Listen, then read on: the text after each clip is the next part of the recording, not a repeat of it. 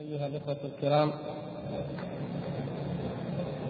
كنا في الدرس الماضي قد أخذنا كثيرا من شرح الفقرة الثانية والأربعين المتعلقة بمعنى التأويل استطرادا لما شرع فيه المؤلف رحمه الله تعالى من بيان أن تأويل الرؤية من أفحش أنواع التأويل وأشنعها لأنه رد وتحريف لنصوص آيات وأحاديث من أوضح الآيات والأحاديث وأصرحها في الدلالة.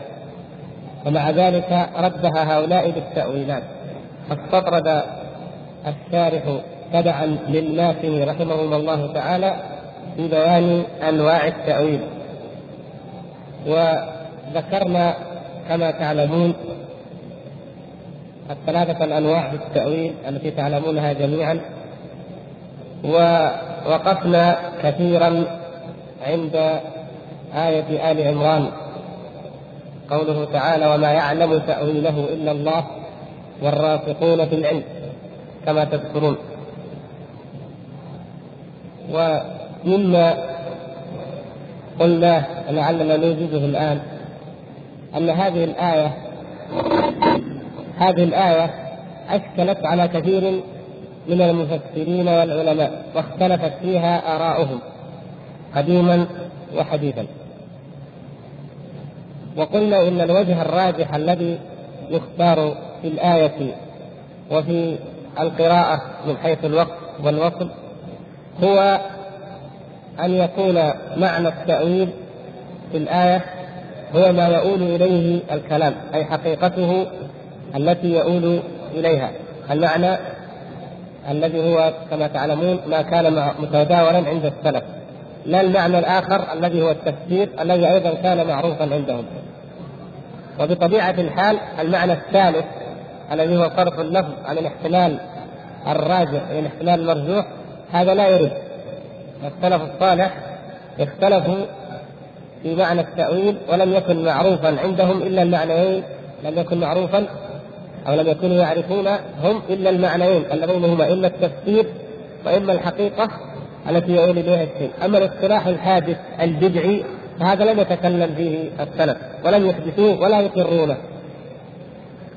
فالآية إذا قيل فأما الذين في قلوبهم زيغ فيتبعون ما تشابه منه ابتغاء الفتنة وابتغاء تأويله وما يعلم تأويله إلا الله قلنا نختار أن نقف هنا ثم نقول والراسخون في العلم يقولون آمنا به كل من عند ربنا لماذا؟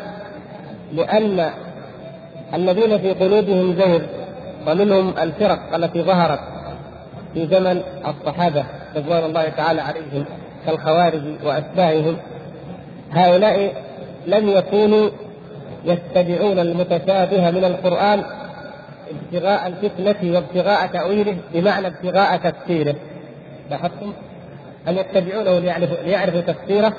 لا وإنما ابتغاء الفتنة ليجادلوا ويماروا بالقرآن وهذا كما تعلمون مراء بالقرآن كفر كما ورد ذلك عن النبي صلى الله عليه وسلم وقد سبق أن تعرضنا لهذا الموضوع فالفرق المارقة وأصحاب البدع يتبعون المتشابه من الآيات التي يشكل معناها أو تحتمل معنيين فلا يردون المتشابه إلى المحكم وإنما يتبعون هذا المتشابه ابتغاء الفتنة إيقاع الفتنة في قلوب الناس فتنة للناس للمؤمنين للمسلمين وتفريقا بينهم وإبعادا لهم عن طريق الجماعة.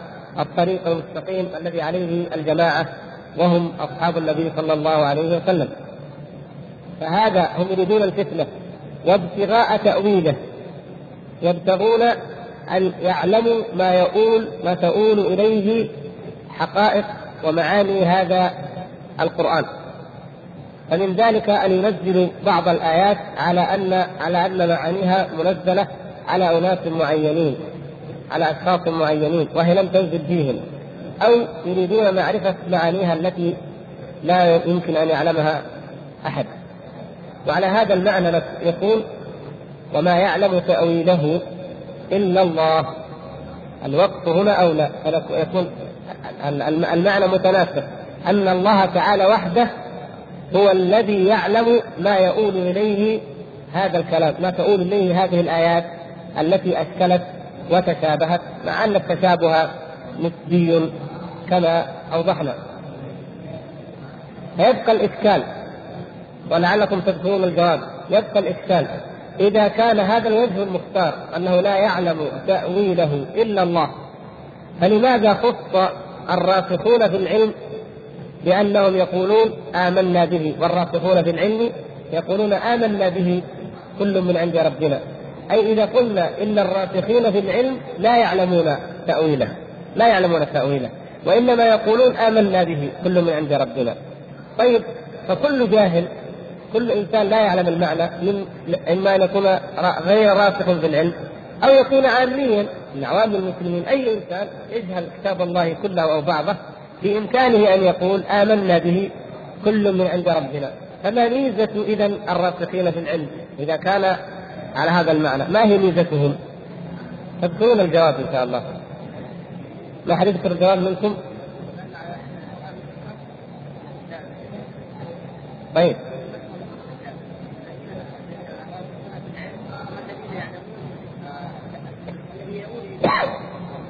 لا إحنا قلنا على هذا الوجه لا يعلمون. أيوه. نعم الله تعالى خص الراسخين في العلم تنبيها على أن من دونهم الذي لا يعلم فذلك من باب أولى. الراسخون إذا كان الراسخون في العلم يقولون آمنا به كل من عند ربنا. فآيات من كتاب الله عز وجل لا يعلم حقائقها وما تؤول إليه معانيها إلا الله. يأتي العلماء الكبار المفسرون من الصحابة ومن بعدهم ويقولون آمنا به كل من عند ربنا. هذا نرد علم ذلك تأويل ذلك نرد تأويل ذلك إلى الله سبحانه وتعالى. فمعنى ذلك أن من عداهم من باب أولى الا يتكلم والا يخوض في تأويله. ومنهم بطبيعة الحال الذين يريدون الفتنة الذين في قلوبهم الزيغ الذين يريدون الفتنة ويريدون تأويله. فإذا قلنا مثلا إن عبد الله بن عباس رضي الله تعالى عنه وهو حبر الأمة وترجمان القرآن. إذا كان يقول في مثل هذه الآيات آمنا بها كل من عند ربنا نحن لا لا لا نعلم معناها. فكيف يجب أن يكون نافع بن الأزرق؟ نافع بن الأزرق زعيم الخوارج الأزارقة الذي كان يسائل عبد الله بن عباس رضي الله تعالى عنه كثيرا عن معاني القرآن. بكثير من الآيات. فهذا هذا الذي يتبع. آه، آه، آه، الذي في قلبه زيغ نافع. الذي في قلبه زيغ يتبع الفتنة ابتغاء الفتنة وابتغاء تأويل هذه المعاني هذا نافع أولى وأحرى به أن يقول ما قاله الراسخون في العلم. إذا كان الراسخون في العلم لم يبتغوا الفتنة به ولم يبتغوا تأويله وإنما قالوا آمنا به كل من عند ربنا فكذلك من بعدهم أولى وأحرى بذلك وأعظم. فيكون في في ذكر الراسخين في العلم مناسبة وحكمة جلية عظيمة حكمة عظيمة وهي جلية لمن تأملها إن شاء الله.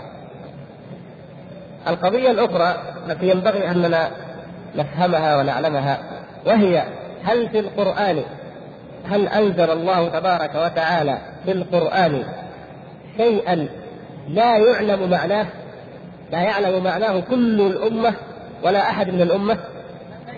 لا يوجد. نعم لا يوجد لا يمكن أبدا.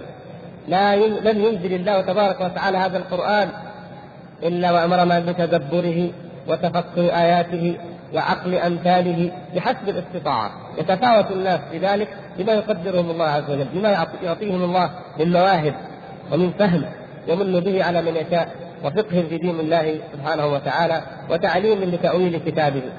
فهذا فضل من الله يتفاوت فيه الناس. لكن أن يوجد آية لا يعلمها كل الأمة بإطلاق لا النبي صلى الله عليه وسلم ولا أحد لا يمكن أن يكون ذلك أبدا. فهنا هذا هو الوجه الذي يقول به من يقول إن الوصف أولى يعني الراسخون في العلم يعلمون التأويل. ونحن نقول هذا كلام صحيح الكلام هذا حق وصحيح ونحن نقرره ونؤكده مع ترجيح الوقت الأول. لأنه كما قلنا حتى لا يكون التأويل كلمتان وردتا في آية واحدة وتكون إحداهما لها معنى والأخرى لها معنى آخر وإنما السياق يقتضي أن يكون معناهما واحدا. بالنسبة لنصوص الصفات هذا سيأتي إن شاء الله من قول من قال إن إنها من المتشابه لأن ظاهرها يؤدي إلى التشبيه. هذه إن شاء الله ستأتي بعد قليل نقرأها إن شاء الله. لكن نحن وقفنا عند قول الأصحاب هكذا؟ طيب نكمل إن شاء الله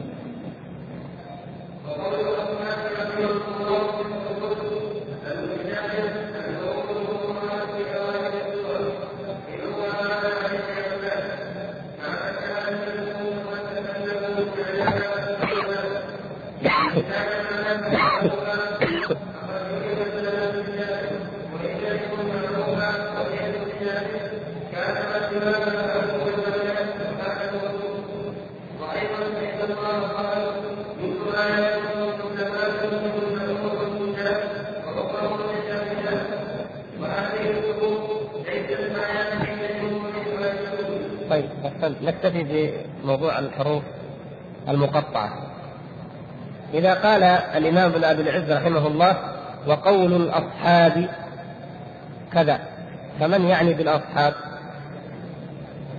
ها؟ الأحناف نعم يعني هذا طبعا هو حنفي المذهب فهو يميل أو يقول إن أصحاب أبي حنيفة رحمهم الله أو ما يرجحونه هم ويقولون الراجح من مذهب أبي حنيفة والمختار عندهم أن الحروف المقطعة هي المتشابه أو أن المتشابه هو الحروف المقطعة في أوائل السور. مثل ماذا؟ أيوه ألف لام ميم حاميم كاف ها يا عين صاد ألف لام ميم صاد قاف نون إلى آخره. جمعها بعض العلماء في عبارة في جملة. أيوه محمد نص حكيم. نص حكيم قاطع له سر.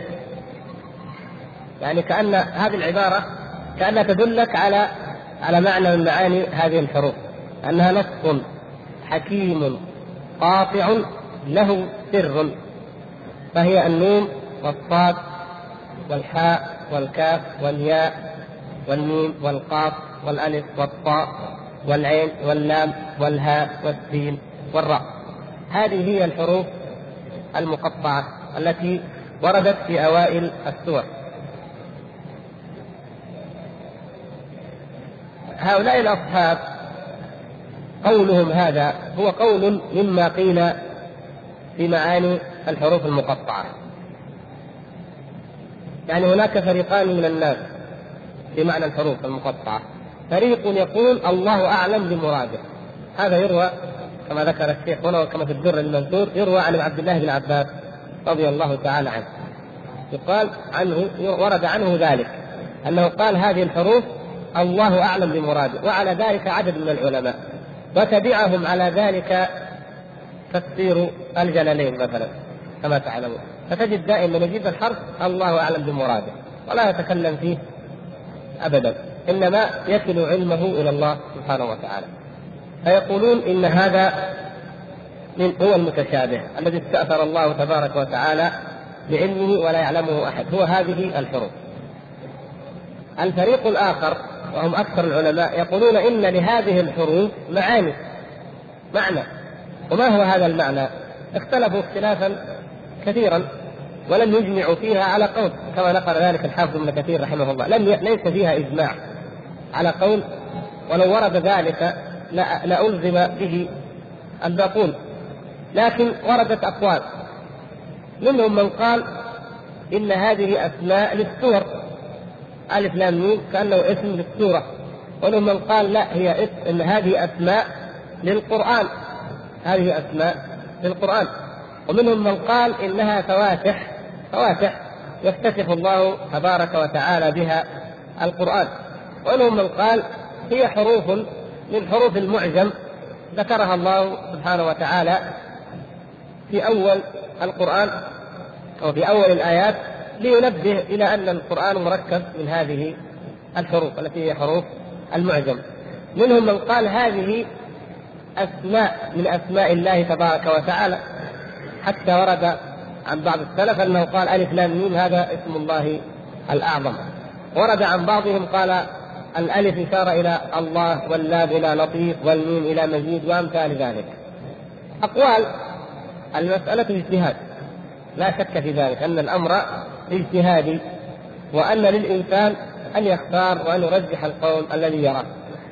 لكن لو تأملنا إلى الحكمة أو تلمسنا الحكمة التي ذكرها العلماء والتي من أجلها والله أعلم وكما يبدو لنا نحن البشر جيء بهذه الحروف المقطعة في أوائل السور. هذه الحكمة تدلنا على المعنى الصحيح إن شاء الله. والحكمة كما ذكرها الحافظ ابن كثير رحمه الله واختارها هي بيان إعجاز القرآن. بعضهم قال هي المقصود منها وإثارة المشركين يسمعون حروفا غريبة جديدة على أسماعهم فيلقون ويلقون السمع للقرآن. لكن كما تعلمون أن القرآن كثير من هذه الحروف المقطعة كما في ألف لام البقرة وألف لام ميم آل عمران وألف غيرها نزلت فين؟ في المدينة. هذا مما يضعف هذا القول كقول من الأقوال مثلا. فيعني القول الذي يختار ويرجح والذي تظهر حكمته وفائدته جلية إن شاء الله هو أن نقول إن هذه الحروف ذكرها الله سبحانه وتعالى في أول أوائل السور وكأنه يقول إن القرآن يتركب من هذه الحروف. فهل تستطيعون ولن تستطيعوا أن تأتوا بمثله؟ يعني فآمنوا به فإنكم لن تأتوا بمثله أبدا. ويرجح هذا القول أن السور التي ورد فيها ذكرت فيها هذه الحروف المقطعة وعددها تسع وعشرون سورة أنها تشتمل على ما يدل على أن القرآن من عند الله وما ينفي أقوال المشركين أنه مفترى. وتأتي فيها الإشارة إلى هذا القرآن وإلى هذا الذكر الحكيم عقب ذكر هذه الحروف المقطعة. وهذا ما تعلمونه جميعا. يعني ممكن تجيبوا أدلة كثيرة كل واحد منكم يجيب لنا مثلا ألف لام ميم البقرة ذلك الكتاب لا ريب. بعد كذا نزل عليك هذه آل عمران. أحسنت. أي عبد الرحيم. ياسين والقرآن الحكيم. نعم. حامين كثيرة أي واحدة منها؟ طيب هذه واحدة. والثانية حامين طيب صاد والقرآن بالذكر. طيب. ما فيها شيء واضح؟ أيوه. نعم كذلك يهديك من قبلك الله. قاف القرآن المجيد. ها؟ الحاصل لو تأملتم تجدون أن هذا المعنى ظاهر وهو أن الله سبحانه وتعالى يعني يأتي بما يدل في السورة ولكن غالبا أيضا يأتي كما لاحظتم عقب الحروف المقطعة ما يشير إلى أن هذا القرآن من عند الله سبحانه وتعالى. وهذه الحروف هي من كل كلام البشر كل كلام العربي عموما الكلام العربي عامة كلام أبلغ البلغاء وكلام أقل الناس يتركب من هذه الحروف. فإذا هذا القرآن أنزله الله تعالى مركبا من هذه الحروف التي تقولونها ومع ذلك فإنكم لن تستطيعوا أن تأتوا مثله لو اجتمعت الإنس والجن على ذلك ولو كان بعضهم لبعض ظهيرا أو استعانوا بمن شاءوا أيضا ممن أداهم لا يمكن أن يأتوا بمثل هذا القرآن ولا بعشر سور بل ولا بسورة من مثله وموضوع الإعجاز قد سبق معنا تذكرون إن شاء الله.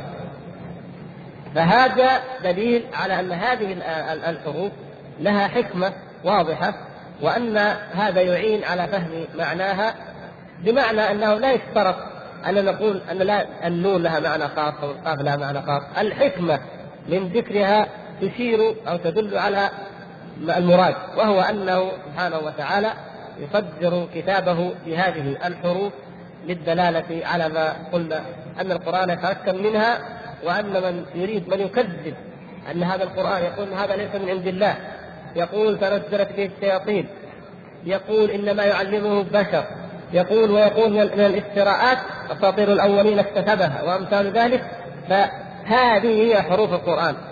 هذه هي الحروف التي تقولونها تستخدمونها. ركبوا منها أنتم. ائتونا بشيء من هذا ولن يستطيعوا بأية حال من الأحوال أبدا. هنا ما أدري إذا كان من المناسب أن نذكر لكم لأنه الشبهات كثيرة في كل زمان ومكان. تذكرون الشبهة التي خرجت والتي اعتبرها الناس فتحا عظيما وخطب بها خطباء الجمع وكتبت في الجرائد والمجلات والكتب وقيل هذا من الإعجاز وهذا من آيات القرآن. وهذا من أن العصر الحديث وأن الكمبيوتر يصحح أن القرآن من عند الله.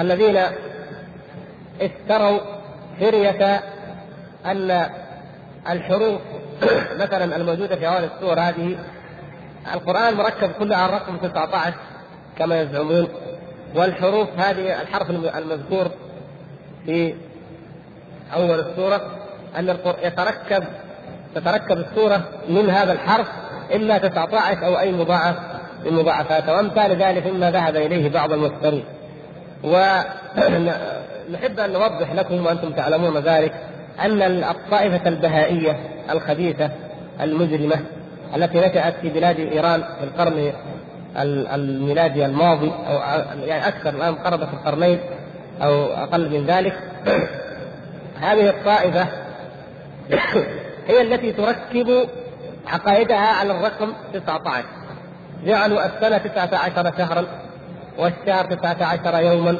وهكذا. طيب. فركبوا هذا الرقم هذا التسعة عشر ركبوا عليه معاني وعقائد ودين كله يدور حول هذا الرقم. وكما تعلمون أن الباطنية هي التي تؤول كتاب الله عز وجل بالتأويل الباطل الذي لا يقبله العقل ولا يدل عليه نقل ولا يمكن أن يفهمه منه عاقل.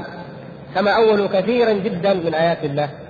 وهذه البهائية ما هي إلا فرقة حديثة أو جديدة من فرق الباطنية التي خرجت في نفس المنبت الذي نبت الذي هو منبت الرفض وهو أصل التكذيب بكتاب الله وأصل تحريف كلام الله سبحانه وتعالى. فمن وهذا الرجل هو رجل مصري الذي كتب هذا وأشاع رجل مصري لكنه بهائي. وهو الذي جاء بهذه الفرية وقال إنه أول آية من القران هي بسم الله الرحمن الرحيم تسعة عشر حرفا والقرآن كله يتركب على هذا الأساس. وهذا من أول ما يدل على كذبه أن نفس بسم الله الرحمن الرحيم أكثر من 19 حرفا لأنه هو وضعها كما يقول الكمبيوتر الكمبيوتر يسجل يحسب الحروف كما هي مكتوبة ولكن لا يحسب الحرف المكرر ولا يحسب المدات مثل الرحمن الألف هذا الصغير لا يحسبها. فلذلك نجد هذا كلام إفك وبهتان وافتراء المقصود منه تصحيح مذهب هذه الفرقة الضالة. وليس موضوعنا الآن بيان هذه الفرقة ولا ولا ما يتعلق بها ولا حتى الاستطراد في شرح الحروف المقطعة لكن المقصود أن نعلم أن كتاب الله عز وجل وأن ديننا يحارب يحارب قديما وحديثا وأنه يجب علينا أن نتأنى قبل أن نتعجل في اي حكم قبل أن نفرح بأي نتيجة نظن أنها تخدم ديننا أو تهدف إليه. يجب أن ندرك أن وراء هذا خططا. هذا الرجل أول ما أظهر هذا الكلام اشتهر عند المسلمين. وكتبوا عنه ونشروا اسمه وعرف حتى أصبح كأنه من أعظم المكتشفين من أعظم العلماء الذين يؤخذ كلامهم في أي موضوع موضوعات الدين مع الأسف مع غفلة المسلمين. يقولوا أخي هذا هذا اللي اللي وضع القرآن في الكمبيوتر واكتشف كذا وكذا إيش تقول في علمه؟ فلما اشتهر ومن جملة من أشهره ناس طيبين على على المنابر في الخطب في المجلات في الجرايد الاسلاميه لما اشتهر وبعد بعد سنوات أخذ يخرج السموم وينقصها ويقول إن السنة لا داعي لها مما قاله بعد ذلك قال لا داعي للسنة مطلقا.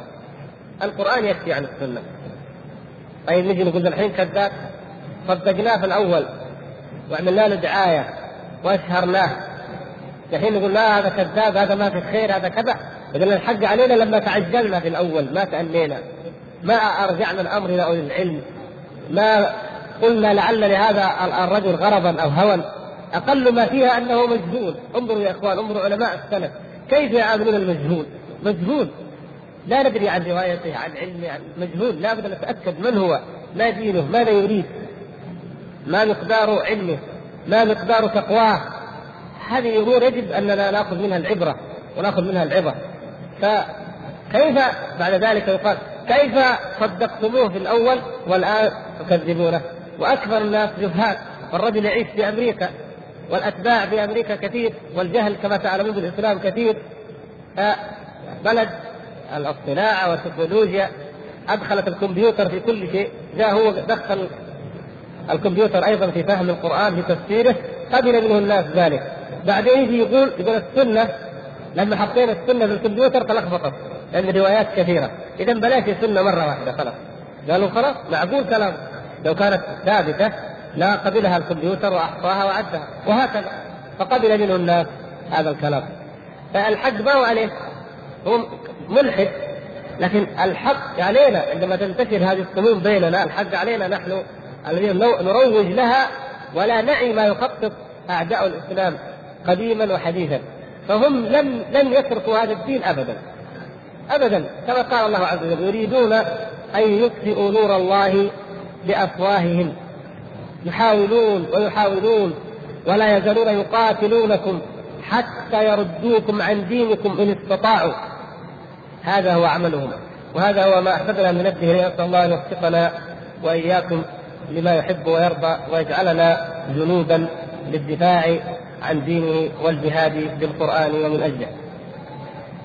فنقول اذا هذه الحروف قد تكلم في معناها كثير من الناس فإن كان المعنى معروفا لديهم وإن كان هذا المعنى يعني على احتمال وافتراض إن كان ما قالوه من معاني حقيقية وأن معانيها معروفة فقد عرف المتشابه اذا ليس في كتاب الله عز وجل شيء لم لا تعرف الأمة مجتمعة معناه وإن لم يكن معروفا يعني على على فرض هذا كلام الشارح رحمه الله على فرض أنه ليس معروفا وأن غيرها قد عرف فإذا ما سواها هو المعلوم ما سواها معلوم فهي تكون هي المتشابهة وهذا هو المطلوب يعني الم...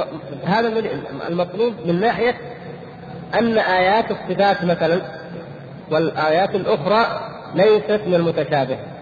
فإذا يبقى أن المتشابه على هذا القول رغم أنه ليس الراجح أن المتشابه فقط هو هذه الحروف المقطعة. وما عداها من القرآن ليس متشابه. إذا القرآن ليس فيه آية أو حكم إلا ويعرفه تعرفه الأمة علمه من علمه منها وجهله من جهله. وهذا وجه للجواب عن قول الأصحاب هؤلاء إن الحروف المقطعة هي المتشابه. والوجه الثاني هو قوله وأيضا فإن الله قال منه آيات محكمات هن أم الكتاب وأخر متشابهات. يقول وهذه الحروف ليست آيات عند جمهور العاجزين هنا رجع إلى مسألة اصطلاحية فنية. وهي أن الله الله تعالى يقول منه آيات محكمات آيات. وهذه الحروف عند البعض سواء كان صح ما قال انه عند الجمهور أو ليس الجمهور عند البعض أنها ليست آيات وإنما هي حروف فلا تعد ولا تحسب آيات. وكما تعلمون هناك اختلاف بين العلماء رحمهم الله تعالى في عدد آيات القرآن. بعضهم يرى هذه أنه مثلا كذا وبعضهم يزيد بعضهم ينقص. هذا لا يؤثر في القرآن. الحمد لله في ثبوت القرآن وإنما هي أمور اصطلاحية فنية نقلية يراها رآها العلماء وليست مما هي مبنية على التوقيف والمقصود أن هذا وجه من الأوجه التي قد تنفع في بيان القول بأن لا إنه لا يوجد في القرآن شيء إلا وهو معلوم عند الأمة عامة. وليس فيه شيء لا يعلمه أحد من هذه الأمة. والله أعلم. ننتقل الآن للمعنى الثالث من معاني التأويل. تفضل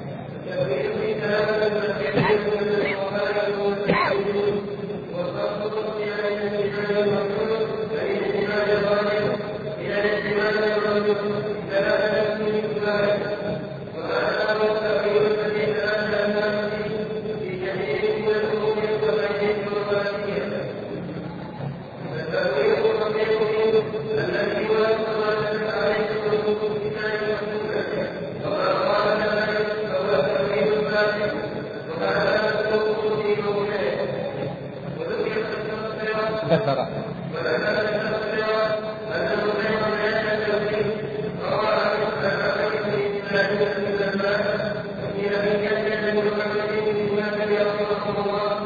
عن محمد بن حسن نعم عندك ابن؟ لا هو عن عن محمد بن حسن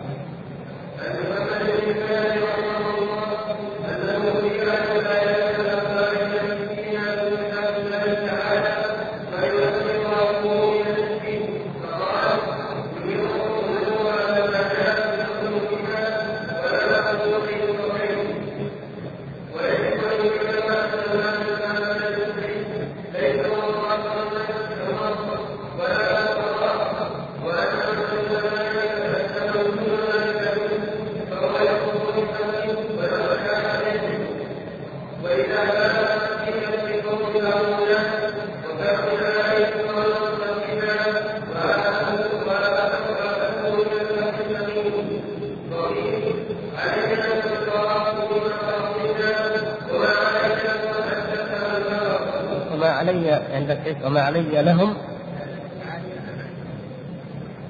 أيوه يعني إيش عندك من كده وما علي إذا لم تفهم البقره أي نعم. يعني هذه أصح من اللي عندنا هنا. علي نحت القوافي من معادنها. هذا أصح نعم. وما علي إذا لم تفهم البقر.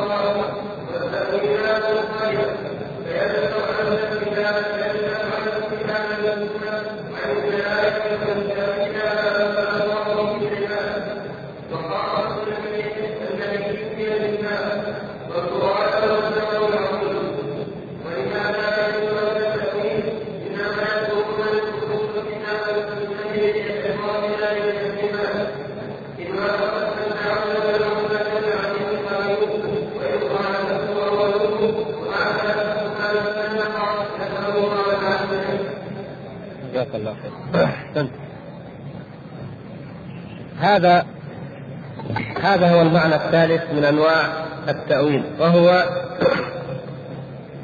التأويل الاصطلاحي الذي اصطلح عليه أهل البدع وهو صرف اللفظ عن الاحتمال الراجح إلى الاحتمال المرجوح لقرينة. فيأتون إلى الآية أو الحديث الذي دلالته ظاهرة جلية فيقولون هذه الدلالة الظاهرة الجلية هي احتمال راجح. لكن هناك احتمال مرجوح لا يستطيعون أن يقولوا إن ذلك الاحتمال أرجح لأن هذا واضح لكل من يفهم البيان العربي يقول لا هذا مرجوح لكن نصرف اللفظ عن الراجح إلى المرجوح لقرينة لدلالة عقلية الدلالات التي تختلف وموجزها كما سمعتم دلالة العقل على أن المعنى الراجح غير مراد.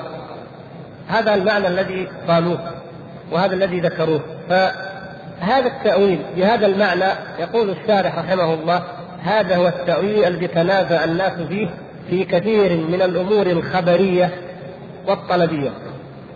لأن النصوص في ترد على نوعين أو موضعين.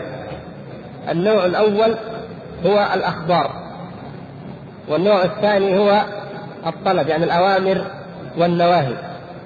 فبعض الأمة وقعت في خلاف في حول هذا التأويل في كلا الجانبين في الأمور الخبرية وفي الأمور الطلبية.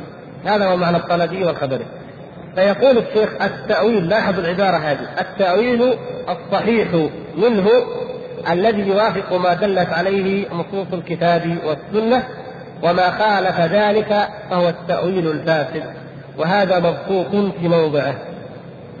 العبارة, العبارة هذه هل بعضكم أو منكم من يرى فيها شيء؟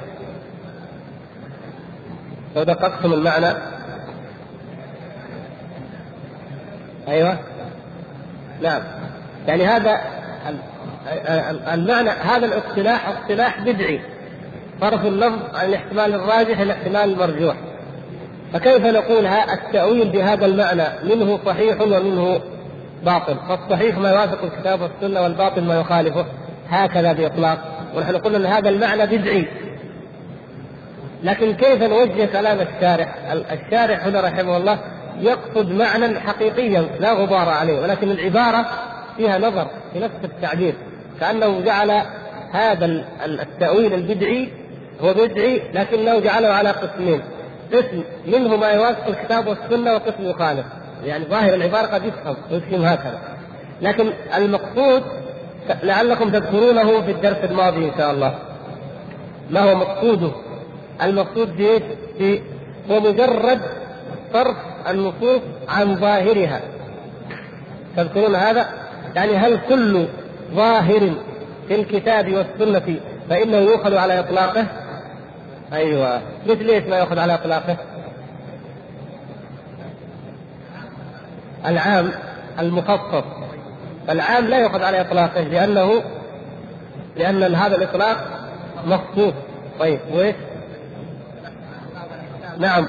والأحكام المطلقة أيضا. المطلق لا يؤخذ ظاهره بإطلاق بل يؤخذ مضموما إلى النص المقيد له. وكذلك الألفاظ المجملة إذا جاء ما يبينها نعم طيب هذه هذه قد سبقت يعني المقصود من هذا هو إيش؟ هو مجرد أن نفهم أنه ليس كل ظاهر في القرآن والسنة على إطلاقه. ف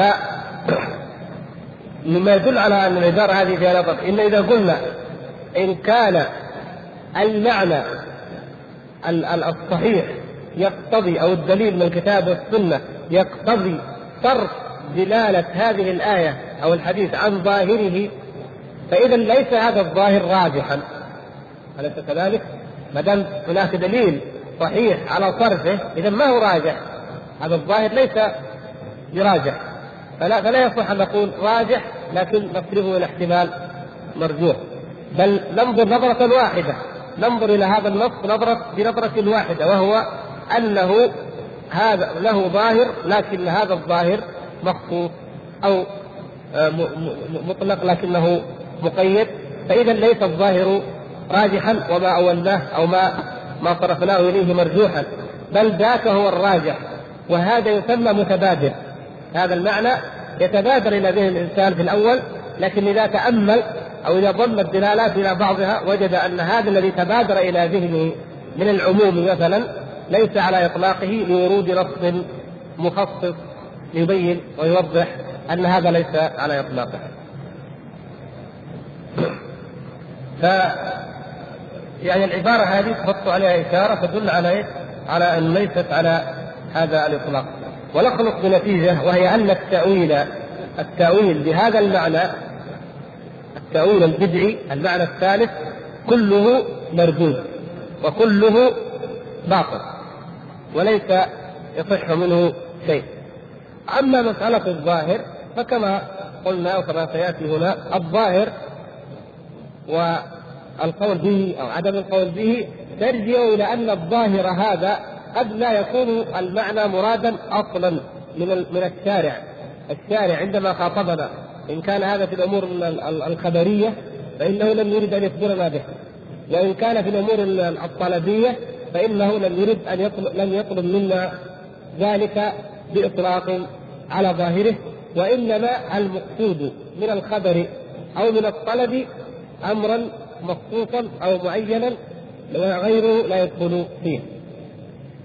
هذا الذي سيأتي إن شاء الله شرحه لكن الشيخ أدخل يعني موضوع كلام الأئمة أو كلام الأصحاب في الصفات ضمن هذا الذي هو الكلام عن الظاهر وعن معنى الظاهر وعن صرف اللفظ عن ظاهره.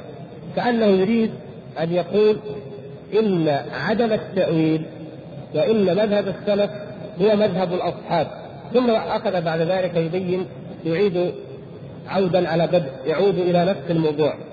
فذكر يقول ذكر في التبصرة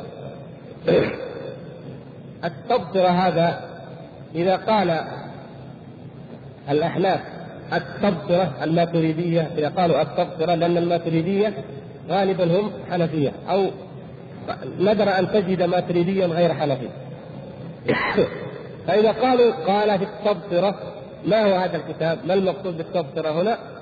هذا سبق معنا قديما هو كتاب تبصرة الأدلة. كتاب تبصرة الأدلة لأبي المعين النسبي فهو من كتبهم في علم الكلام. تبصرة الأدلة لأبي المعين النسبي. بخلاف مثلا في أصول الفقه تجدون كتاب التبصرة مثلا لأبي إسحاق الشيرازي هذا شيء آخر. لكن هذا في علم الكلام. فيقول إن النسبي ذكر في التبصرة بسند بسند عن محمد بن الحسن صاحب الإمام أبي حنيفة رحمهما الله تعالى أنه سئل عن الآيات والأخبار التي فيها من صفات الله تعالى ما يؤدي ظاهره إلى التشبيه. هذا الشاهد. ما يؤدي ظاهره إلى التشبيه. هذا ليس في الآيات. ولا في الأحاديث ما يؤدي ظاهره إلى التشبيه بالحقيقة لكن قد يتبادر قد يتبادر عند من لا يفهم. أخي على طريق الحق هنا منتصف الشريف. هذا دليل على أن ظاهرها حق لأنه قال كما جاءت لا نغيرها عن ظاهرها. لكن إيش؟ ولا نقول كيف؟ لا نقول كيف لأنه كما قال الإمام مالك شيخه ربيعة الاستواء معلوم والكيف غير معقول أو الكيف مجهول. فنمرها كما جاءت. ولا نفسرها. كيف ما نفسرها؟ يعني ما لها معنى؟ نفوض لا. لا نفسرها بمعنى لا نكيفها. أيوه بمعنى الكيف بمعنى التأويل فكل ما يأتي من نصوص الصفات فإننا نمره كما جاءت ونؤمن به يعني نؤمن به كما جاء دون تحريف ولا تبديل ولا تغيير في المعنى ولا نقول ولا ندخل في الكيفية.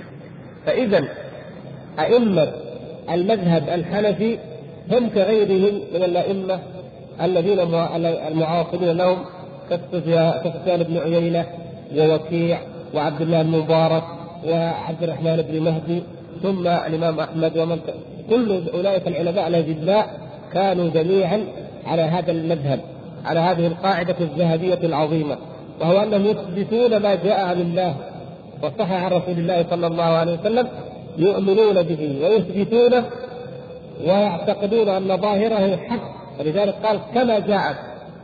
يد يد ينزل ينزل كما جاءت. لكن لا يدخلون في الكيف فينفون عنه الكيف. فنفهم من هذا. أن مذهب السلف يتنافى مع التأويل لأنه قال إيش؟ كما جاءت. ما في تأويل. لا نقول استوى؟ لا نحولها إلى استولى. اليد نقول القدرة. ينزل ربك ربنا يروح يقول تنزل رحمته ينزل أمره. هذا ما ما ما أمرناها كما جاءت. وإنما حولناها وحرفناها. وكما تذكرون أن قلنا إن التحريف هو التأويل هو في حقيقته إيه؟ تحريف يعني يغير الكلام يغير المعنى يغير اللفظ عما أراده المخاطب الذي قال فإذا يرد على أهل التأويل ويرد على أهل التفويض كيف يرد على أهل التفويض؟ كيف هذه العبارة وأمثالها ترد على أهل التفسير؟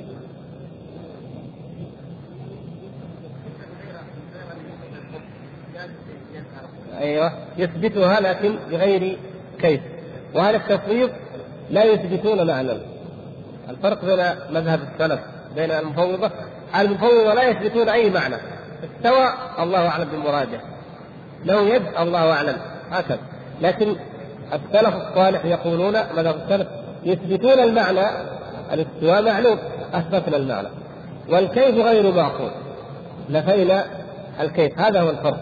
فبعض المفوضة يستدل مثل هذه النصوص ويقول إن مذهب السلف هو التفويض لأنه قال نمرها كما جاءت. هل معنى نمرها كما جاءت؟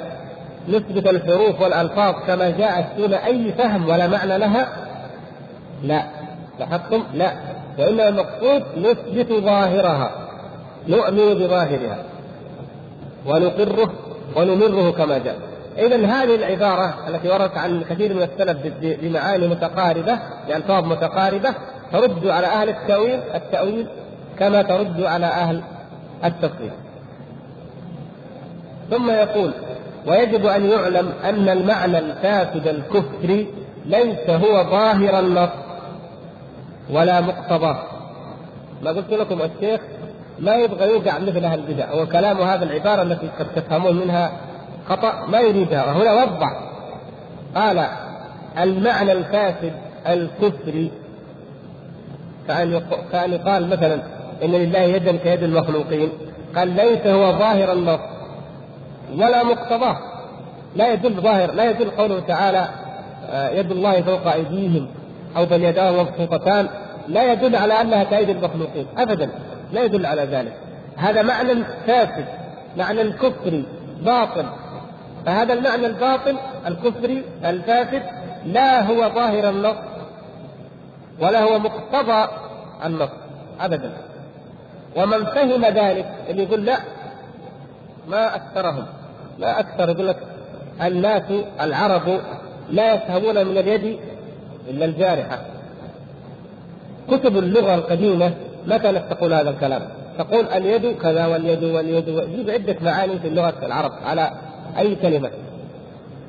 حتى ظهر المعتزلة وهم أصحاب البدع كما تعلمون أصحاب التأويل ونفي الصفات.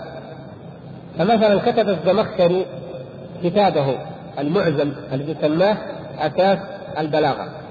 فيأتي بالمعنى يقول كذا معناه كذا. والمجاز منه كذا ويجيب عدة معاني يجعلها مجازية ويجعل معنى واحد هو الأصل.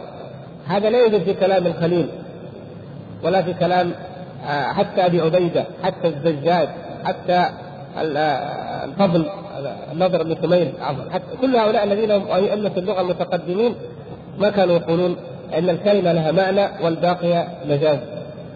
فجاء المعتزلة وجعلوا ذلك ثم جعلوا المعنى الذي في المخلوق هو الأصل وهو الظاهر وهو الحقيقة والذي في الله هو المجاز.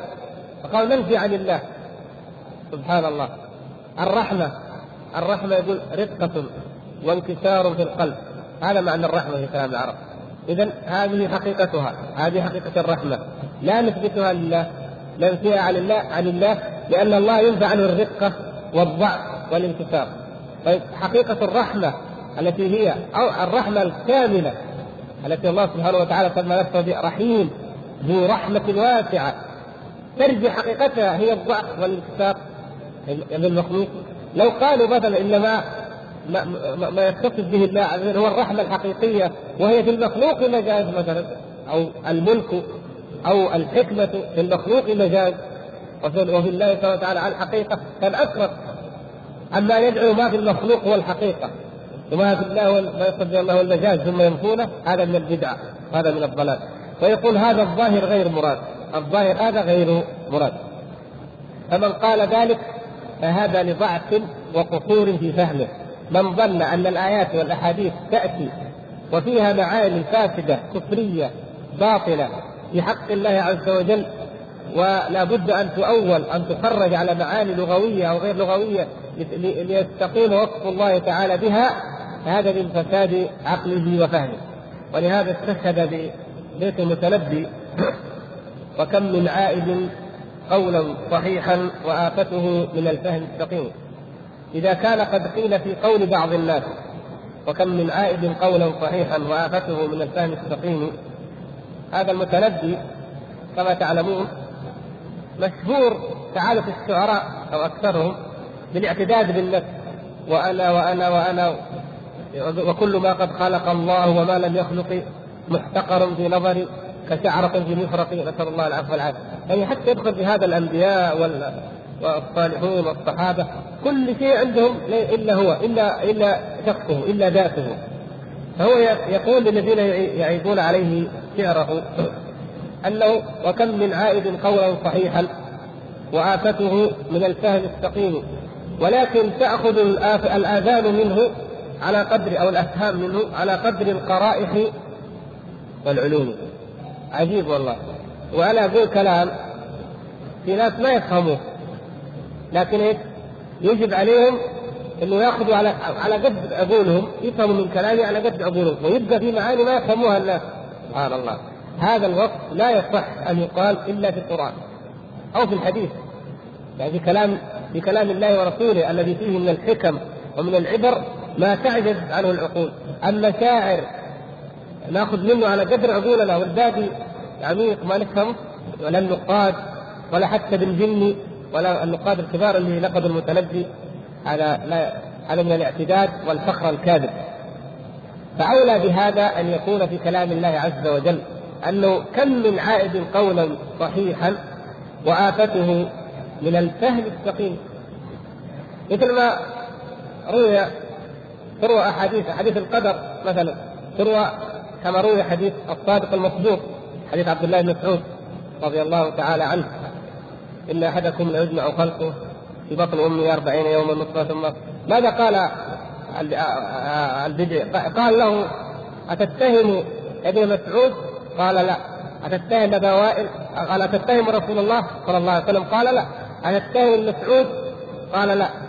قال أتتهم أبا وائل قال نعم. في رواية قال من بعده. يعني يقول أنا ما يقدر يتهم النبي صلى الله عليه وسلم وخاف كمان يتهم الصحابي قال اتهم الذي رواه من التابعين أو أتباع التابعين. لا ما هي كذا. أنت ما فهمت الحديث فلا بد إما أنك ترد الحديث فوجد أنه ملزم بأن يتهم أحدا. فإن قال اتهم الرسول صلى الله عليه وسلم أعوذ بالله ما يجرى يقولها بل تتهم الصحابي ما يجرى يقول. قال كيف اتهم أبا وائل. يعني المقصود هو أن هؤلاء الناس لو لو كانوا موقفين أو على حقيقة لاتهموا عقولهم. هم النقله الحفاظ الاثبات نقلوا الكلام حق وليسوا بمتهمين فيه. والصحابة والعلماء من تلاميذهم أجل الناس فهما وأعظمهم فهما فهموا هذه النصوص بلا تعارض. اذا من المتهم؟ عقله. وكم من عائد قولا صحيحا وآفته من الفهم السقيم. فلو اتهموا عقولهم هم لما اتهموا أحدا من السلف ولا من الرواة ولا من النقلة. كما فعل الرازي في أساس التقديس مثلا. عندما اتهم أكثر الرواة حتى الشيخين البخاري ومسلم وحتى أصحاب النبي صلى الله عليه وسلم. وقال الآخر البحث لنفس الشيء لكن أخف يعني. علي نحت القوافي من معادنها وما علي إذا لم تفهم البقر. النقاد ينقدون شعره يقول أنا علي أن آتي بالقوافي من معادنها من الأصيلة المعاني الجزلة البليغة وما علي إذا لم تفهم البقر وكأن الذين لا يفهمون شعره كأنهم من البقر. يعني أخف شوي ولا بد في الشعر من مبالغة. ولهذا قيل أعذبه أكذبه. يعني لو واحد جاب شعر كله صحيح كان يعني كلام معقول معاني حقيقية معقولة هذا يسمونه نظما.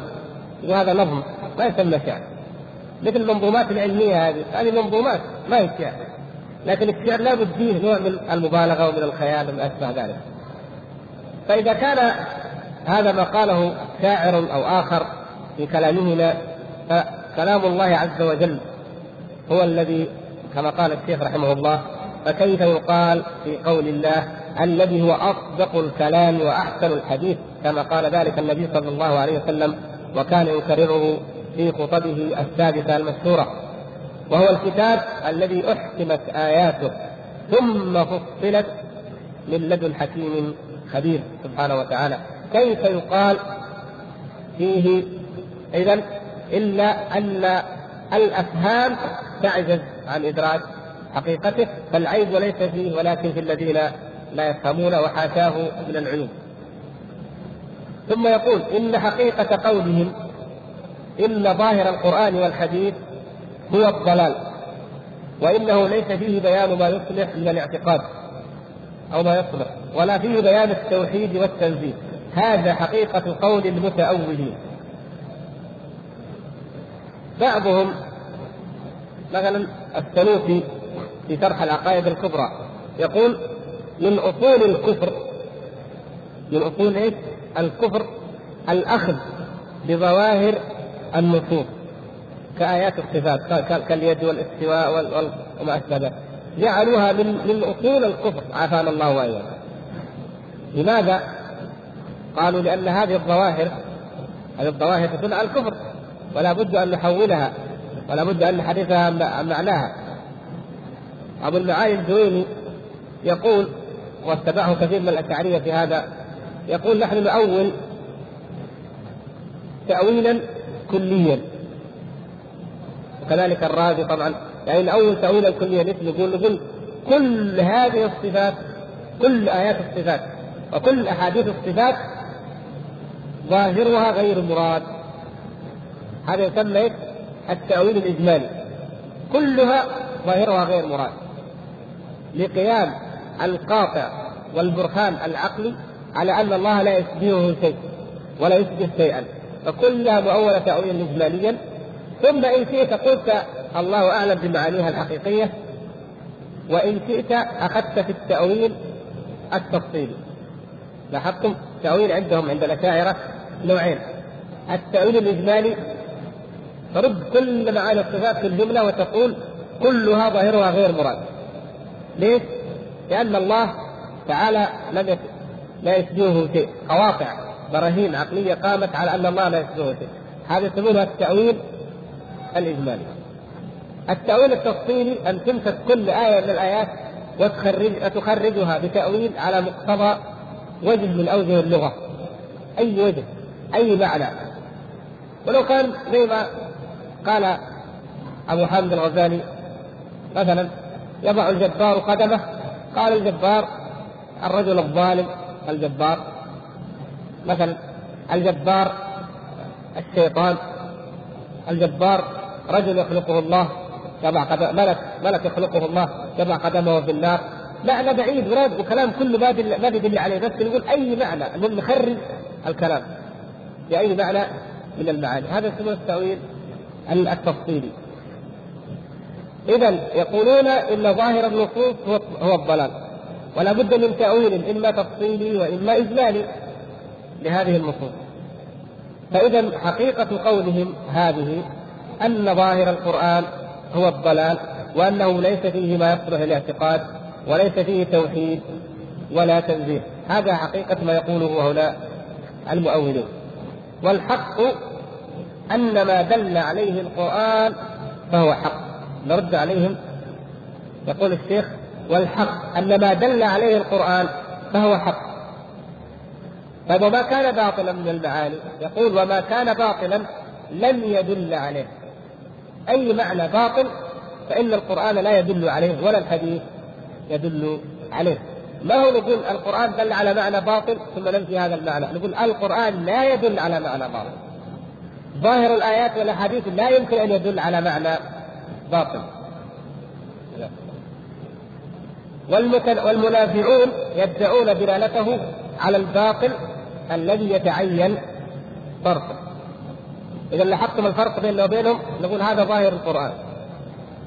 ظاهر القرآن والسنة حق ولا يمكن أن يدل على باطل ولا أن يكون المعنى الباطل لا ظاهر النص ولا مقتضاه. جو هم قالوا لا. المعنى الذي يدل عليه ظاهر النص باطل.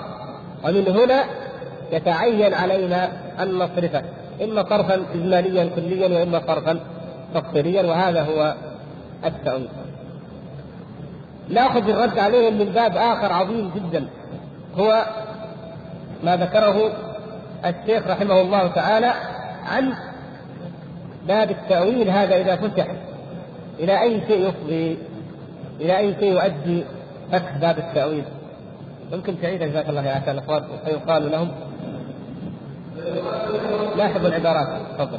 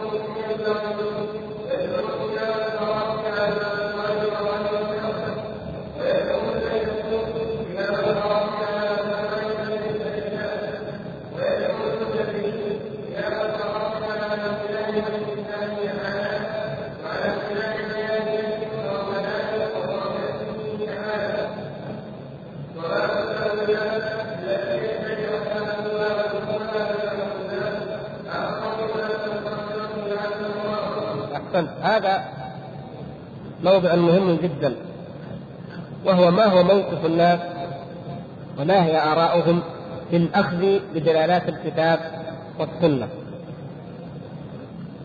ثم يعني نستطرد من هذا بيان هذه الحقيقة بإجمال ثم نعود إلى الشرح الذي هو له علاقة فقط بموضوعنا هنا وهو خصوص الرد على الذين يؤولون في الصفات ممن ينتسبون إلى أهل السنة الذين ليسوا يعني المقصود ليسوا باطنية ولا رواتب ولا شبههم بل نحن وهم متفقون على الرد على الرافضة وعلى الباطنية والقرامطة وأمثالهم. في آخر شيء من الكتاب آخر صفحتين من الكتاب لأن الكتاب كما تعلمون فيه يعني معاني متعددة أو مترادفة أحيانا فآخر شيء مرة يقول ولفرق لفرق الضلال أو لفرق الضلال. وجدته أيوه.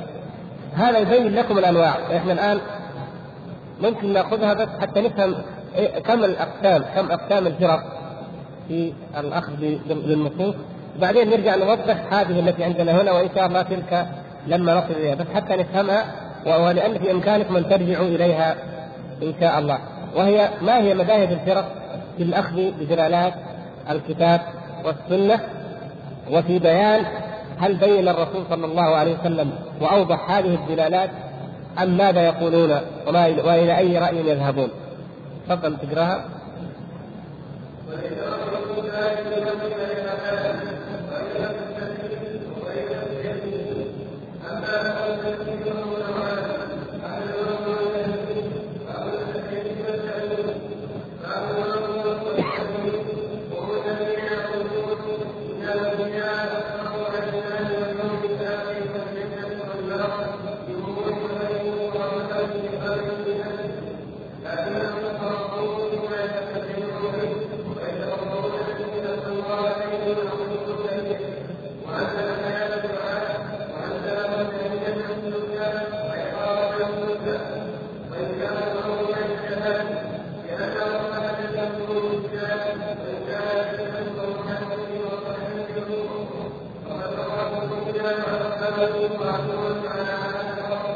نقول مذهب إيش؟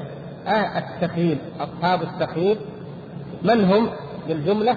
هم الفلاسفة مذهب الفلاسفة المنتسبين للإسلام كابن سينا والكندي والفارابي وأمثالهم هذا هو مذهبهم كل ما جاء في الكتاب والسنة تخييلات هذه الخطابات والعياذ بالله تخييلات وإنما ذكرت لهذا المعاني لأن حتى الناس لمصلحة الجمهور يعني العوام الجمهور المقصودية عامة الناس مصلحتهم أن يقال في نعيم وفي عذاب وفي جنة وفي نار حتى يعني آه، تقوم حياتهم وفق آه، قانون منضبط فيتكون حياة على العدل وعلى الاستقامة والخير وكذا. لكن في الحقيقة هذه الأمور ليس لها أصل من الصحة هكذا والعياذ بالله. وكما تعلمون ليس بعد هذا الكفر كفر. هؤلاء ليسوا من الإسلام في شيء بإطلاق. ومن ذلك من ذلك الرسالة الأضحوية الرسالة الأضحوية لابن سينا مطبوعة حققها الدكتور سليمان دنيا ذكر فيها أن البعث ليس حقيقيا والعياذ بالله. لا يكون بعث حقيقي بالأجساد وإنما هو خيال. فقال في أشياء خيالية أو روحانية إلى آخر. لا لا يجوز أن ينقل إلا على سبيل الذم عافانا الله وإياكم من هذه الخيالات. وهذه الأباطيل. فهذا هذا المذهب مذهب أهل التخييم. يجعلون الخطابات الشرعية هي مجرد خيالات. فلا يثبتون إذا لا ظواهر النصوص ولا ما دلت عليه ولا ما نقل عن السلف في في في شرحها. وإنما يقول هي مجرد خيالات هكذا. وهذا هو الذي كان عليه فلاسفة اليونان والاوروبيون من قديم قالوا إن شرائعهم وأديانهم ما هي إلا خيالات وتخيلات باطلة لمصلحة الناس لإيهام الناس وإلا فلا حقيقة لما يوهمون به. هذا الفريق الأول. الفريق الثاني أهل التحريف والتأويل.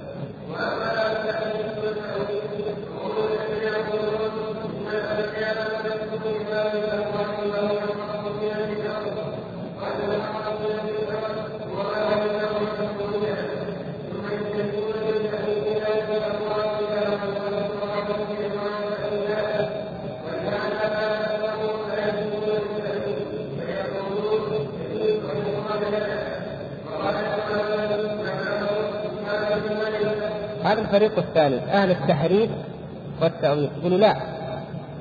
في هناك معاني جاء بها الأنبياء وقالوها وتدل عليها النصوص لكن ليست على ظاهرها لا بد أن نؤولها. يعني الحق في نفس الأمر هو ما ما نعلمه نحن وما نستنبطه نحن بالقواعد والبراهين العقلية أما ظواهر النصوص فتحرف لتوافق ما نحن عليه. فحسبهم حسبهم يعني في الرد عليهم أو في بيان بطلان مذهبهم قولهم إن التأويل ظني هم متفقون على ذلك. وهذا مما جعل ابا المعالي الجهيني في الرسالة النظامية يقول إن ترك التأويل والانكفاف عنه هو الصحيح بعد أن كان في الشامل وفي الإرشاد أسس التأويل وهو أول من توسع في التأويل لأن شيخ الأشعرية شيخ المؤولين الذي ينتسبون إليه أكثر بعد الأشعري هو القاضي أبو بكر ابن الباقلاني. كان يثبت اليد ويثبت الوجه ويثبت كثيرا من الصفات التي تسمى خبرية. حتى جاء ابن المعالي الجويني فتوسع لهم في التأويل في الإرشاد وفي الشامل. وبنى عليه بعد ذلك الغزالي ثم الرازي المذهب. وأصبح التأويل مشهورا معلوما كما قال صاحب الجوهرة وكل نص أوهم التشبيه اوله أو فوض ورم تنزيها لابد اما تاول اما تفوض ما في عندك خيار. لابد يعني أن تتبع أن تؤمن لا. المقصود إنه مما جعل الدويني يقول إن التأويل ظني. التأويل ظني. ولهذا يجوز هذا المعنى ويجوز غيره. حسبهم أنهم يتركون ما دل عليه الكتاب والسنة وفهمه السلف بوضوح ويحيلوننا إلى أمور ظنية. ليست بعقيده ولا قطعيه، هذا هذه الفرقة الثانية من فرق الناس بالأخذ بالنصوص. الفرقة الثالثة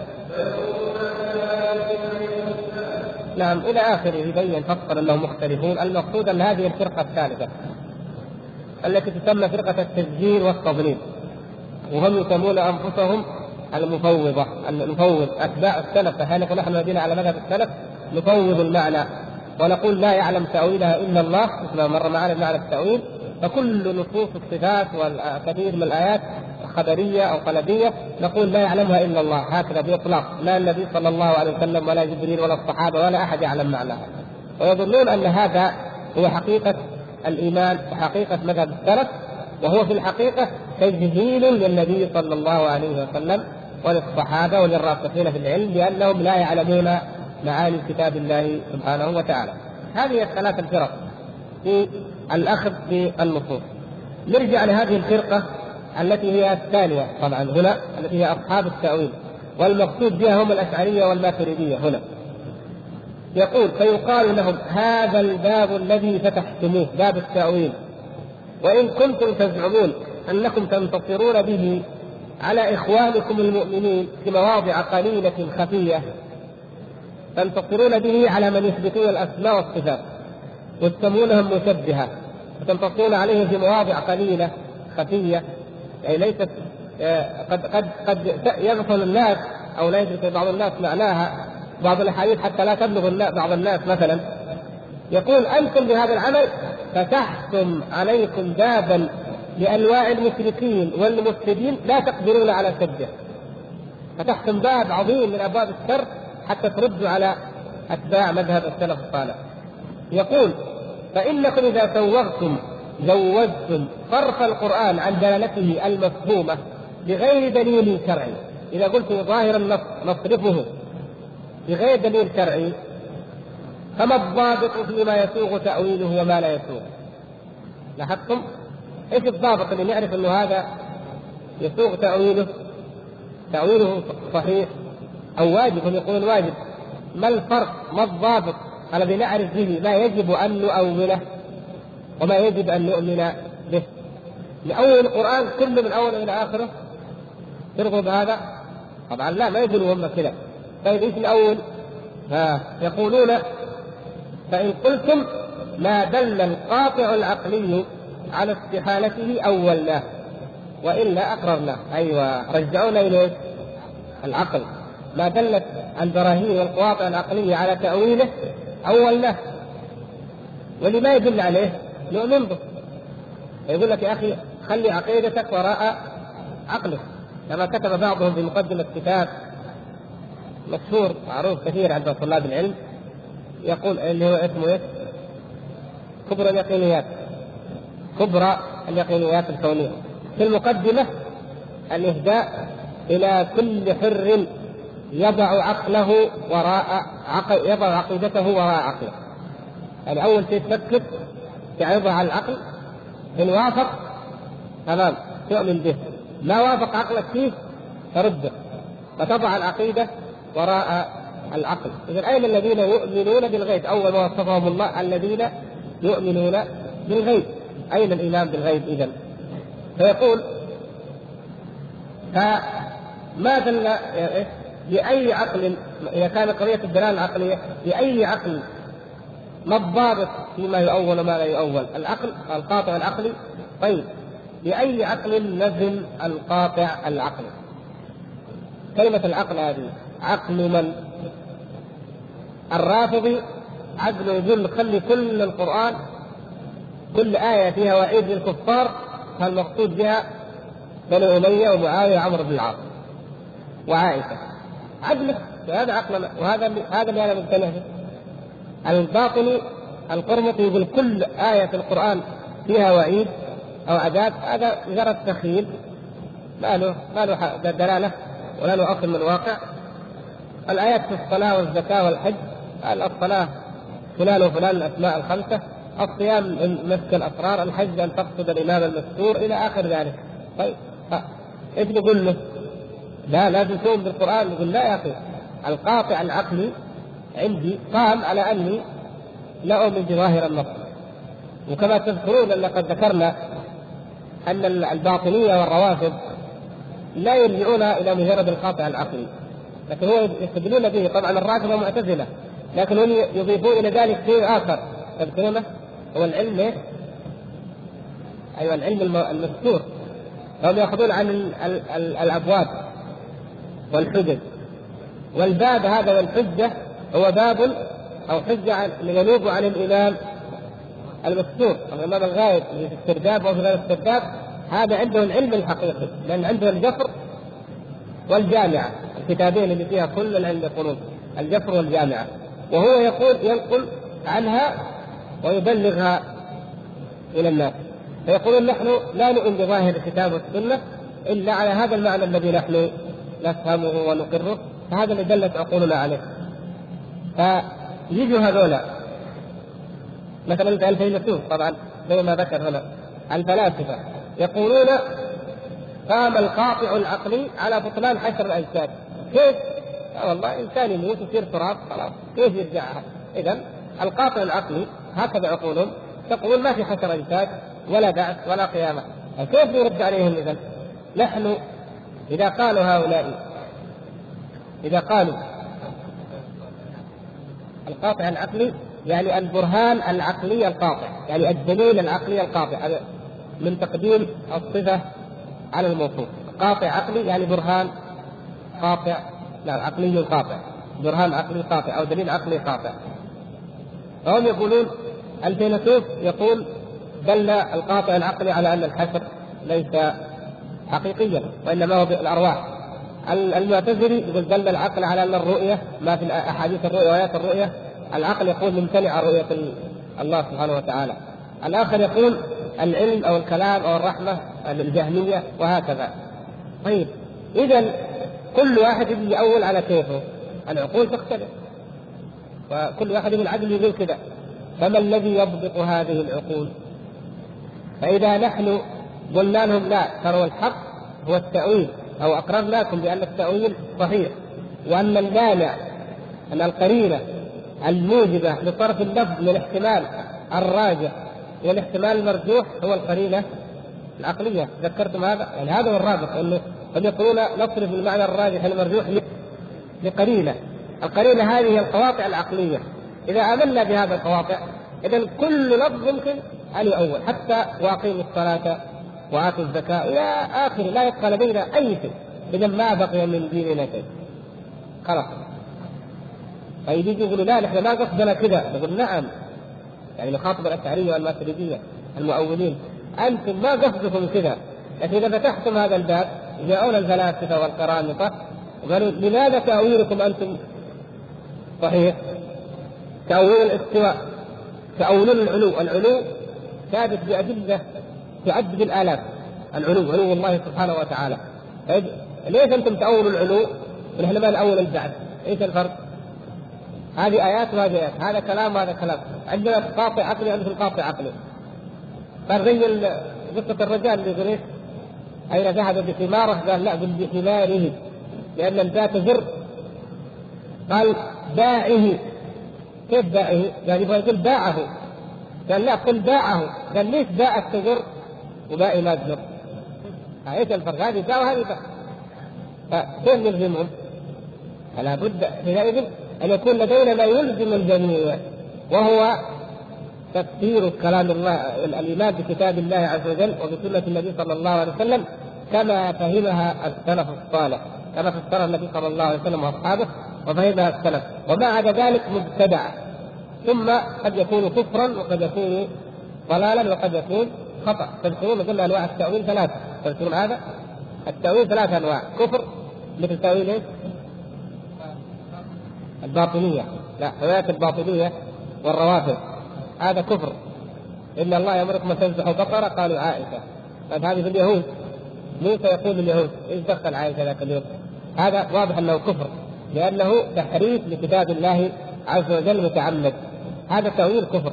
والتأويل الذي هو ضلال مثل تأويل استوى باستولى أيوه. والتأويل الخطأ هو مثل إيش؟ مثل ما يقع في كلام بعض السلف لا عن قصد تحريف الكلام عن موضعه لكن هو فيه من الآية هذه خطأ. فهم من الآية خطأ. كما فهم بعضهم أن الكرسي هو العلم. خطأ. يخطئ في ذلك وهذا قد يكون له أجر الخطأ وليس له أجر الصواب. لكن لا يتضالل ولا كافرا هذا يعني قد ثبت لكن المسلم ننسى أحيانا في أول قريب من أول كتاب. فيلزم حينئذ محظوران عظيمان نكملها إن شاء الله وبعدين ننتهي إن شاء الله.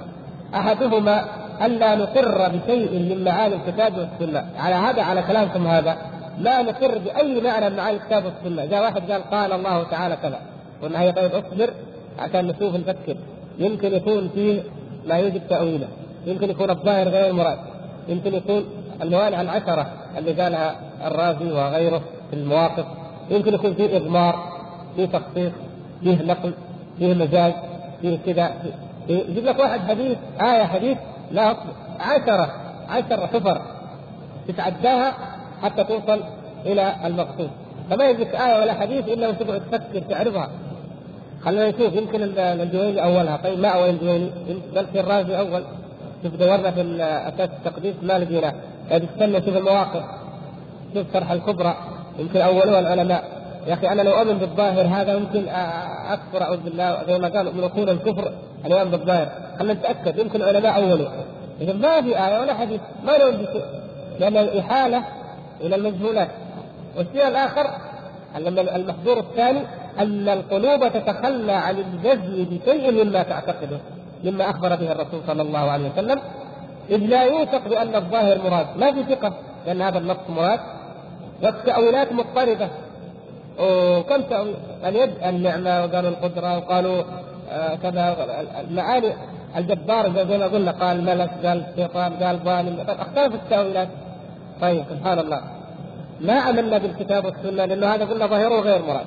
طيب يجب التأويل. رحنا نأول نقول المؤولين اختلفوا. طيب بكلام من نأخذ؟ النتيجة إيش؟ حيره ما في شيء ما في شيء من به حيرة وضلال. وهذا خروج على الصراط المستقيم. كما سبق أن قلنا لكم مثلا لو أن احدا قال أنا لا أؤمن بكلام النبي يعني لو جاء النبي صلى الله عليه وسلم أه؟ وقال لما جمع قريش على الصفا لا جمع الصفا جمع قريش قال قولوا لا إله إلا الله تفلحوا. لو قال أحد من قريش يا محمد إني لن أنت عندي صادق أنت عندي صادق. لكن لن أؤمن بكلامه هذا حتى أعرضه على احبار اليهود لأنهم أعلم بالكتب المنزلة. أو حتى أعرضه على فلان من الناس. هل يسمى هذا مسلما؟ ما أسلم معلوم. طيب إيش الفرق؟ الآن تقول واحد قال الله كذا يقول هيا استنى. حتى يشوف إيش قال فلان. المواقف ولا الكبرى صاحب الكبرى ولا صاحب الجوهرة ولا شنو. طيب هي هذه خطأ لا يؤمن بشيء ما قاله النبي صلى الله عليه وسلم حتى يتأكد من مين؟ من شيخ من الشيوخ من قول افلاطون من قول ارسطو من القواعد العقلية من البراهين النظرية أي أي شيء أحيل إليه اذا مجرد تعليق الإيمان بما جاء به النبي صلى الله عليه وسلم على أي شيء هذا عدم ايمان لأنه فلا وربك لا يؤمنون حتى يحكموك يحكموا القواطع العقلية؟ حتى يحكموك فيما شجر بينهم ثم لا يجدوا في أنفسهم حرجا مما قضيت ويسلموا تسليما بلا اعتراض ولا منازعة ولا مدافعة. فيقول خاصية النبي أو خاصة النبي هي الإنباء أن يخبر والقرآن هو النبأ العظيم. طيب إذا كان كلما أخبرنا الرسول بشيء قلنا استنى نعرض على أئمتنا. أفقدنا النبي خاصيته وأفقدنا القرآن خاصيته. يقول ولهذا نجد أهل التأويل إنما يذكرون نصوص الكتاب والسنة للاعتضاد لا للاعتماد. اقرأوا أي كتاب من كتب شروح العقائد. هذه العضدية وإلا النسفية وإلا الجوهرة ولا اقرأ 100 ورقة 200 ورقة ما تجد آية. إذا وجدت آية فليست للاعتماد للاعتضاد للاستئناف. يستأنف برأي هذا. أما هي متفقين من الأول هم يوم في الموضوع متفقين على أن ظاهرها غير مراد. يقول وهذا فتح باب الزندقة نسأل الله العافية. وبناء على ذلك تزندق من تزندق وألحد من ألحد وكفر من كفر وضل في كتاب الله سبحانه وتعالى. نسأل الله أن يعافينا وإياكم من آفات القلوب والعقول وأن يوفقنا للعلم النافع والعمل الصالح والفهم وال